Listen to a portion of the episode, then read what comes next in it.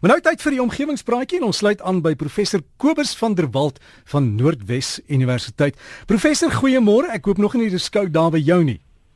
Môre Derek. Ja, nee, die ek hoor die die koue is op pad jong en uh die wind het heel nag gewaai. As die wind so waai dan kan 'n mens weet daar's 'n sterk koue front op pad, maar hy is nog nie hier nie. Dit klink my dit gaan nou eers omtrent môre se kant of oormôre eintlik eers hier by ons uitkom maar dit lyk na 'n bibberende ding wat hier aankom. So kom ons kyk maar wat gebeur. Maar dit is ek wil jy vanoggend gesels oor die temperatuur van die aarde en so aan. En ek doen dit aan die hand van 'n artikel wat na my toe aangestuur is deur oom Piet van Marleveld, die befaamde oom Piet Kiekies wat vele geslagte oud pikke baie goed sal onthou. Oom Piet gaan nog steeds gereeld deur Nederlandse dagblaaie en stuur dan vir my berigte aan wat op die omgewing van toepassing is. En een van die berigte wat hy onlangs al gestuur het, handel oor 'n studie wat deur die Switserse Fisiese Meteorologiese Observatorium gepubliseer is. In hierdie studie word vir die eerste keer aangetoon hoe fluktuasies in die son se aktiwiteit 'n beduidende invloed op die aarde se klimaat kan hê. En dit lyk of die sonaktiwiteit tans aan die afneem is sodat die aarde se gemiddelde temperatuur oor die volgende paar dekades dalk net tot soveel as 'n halwe graad Celsius kan afneem.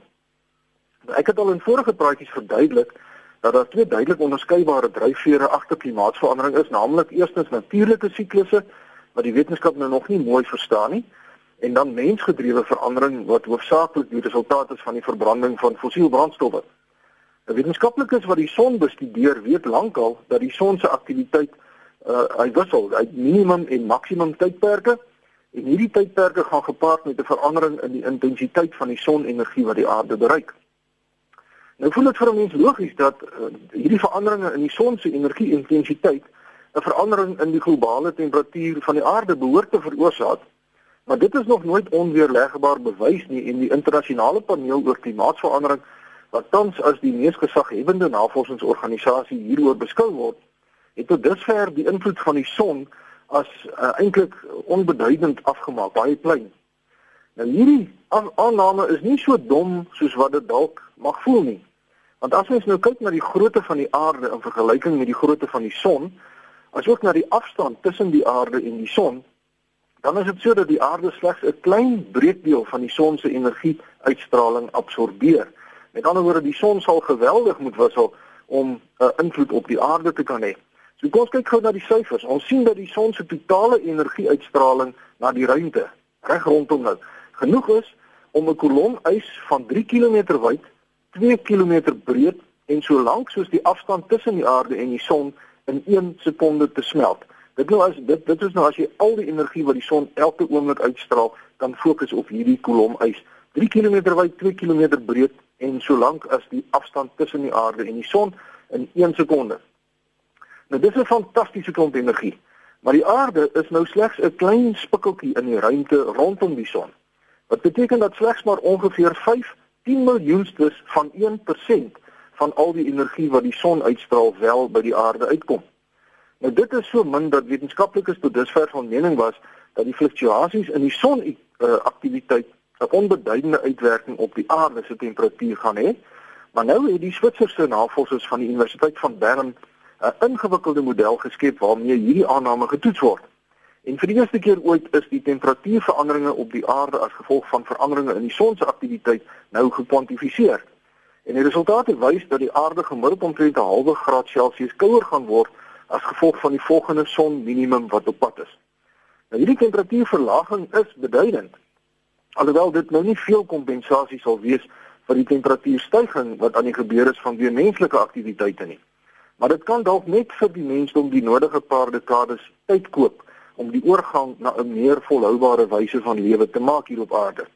Maar die navorsers waarsku dringend dat die wêreldleiers hierdie geringe afname in temperatuur nou nie as 'n verskoning durf uh, gebruik om maatreëls soos die wat in die Parys-ooreenkoms aanvaar is te vertraag nie.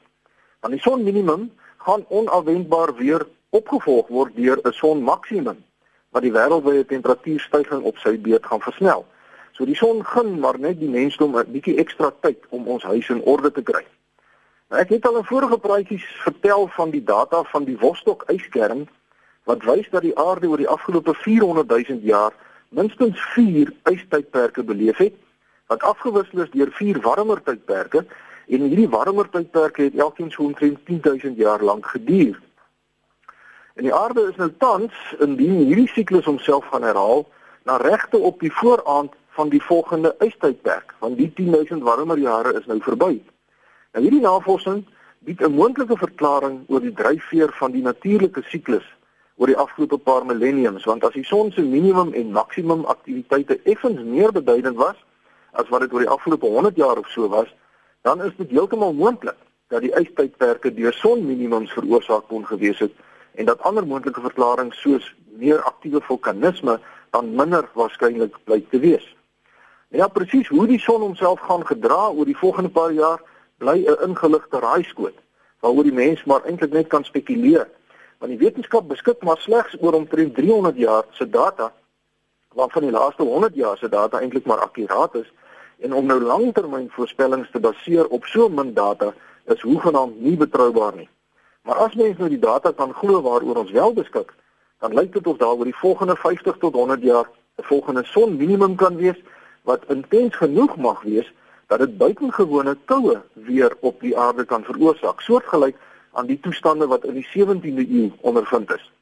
Die navorsers erken egter dat daar nog heelwat navorsing nodig is voordat die wisselwerking tussen fluktuerende sonaktiwiteit en globale klimaatstoestande in die geskiedenis en ook in die toekoms mooi verstaan sal word.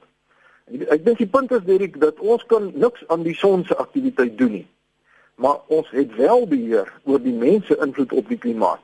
En dit sal eintlik baie dom wees om nie te probeer beheer wat ons wel kan beheer nie. En daarmee sluit ek af vanoggend. Baie dankie aan oom Piet van Marleveld wat die artikel onder my aandag gebring het. Ek waardeer dit opreg. En omgewingsvriende kan gerus vir my skryf by kobus.vanderwalt@nwu.ac.za of soek na omgewingspraatjies se blad op Facebook. En daarmee groet ek vriendelik tot 'n volgende keer voorspoed en beste wense. So gesels ons dan met professor Kobus van der Walt van Noordwes Universiteit en daar is hy daar gaan soek op die Facebook bladsy dis omgewingspraatjies die meervoud hoor omgewingspraatjies sluit aan en dan kan jy daar volg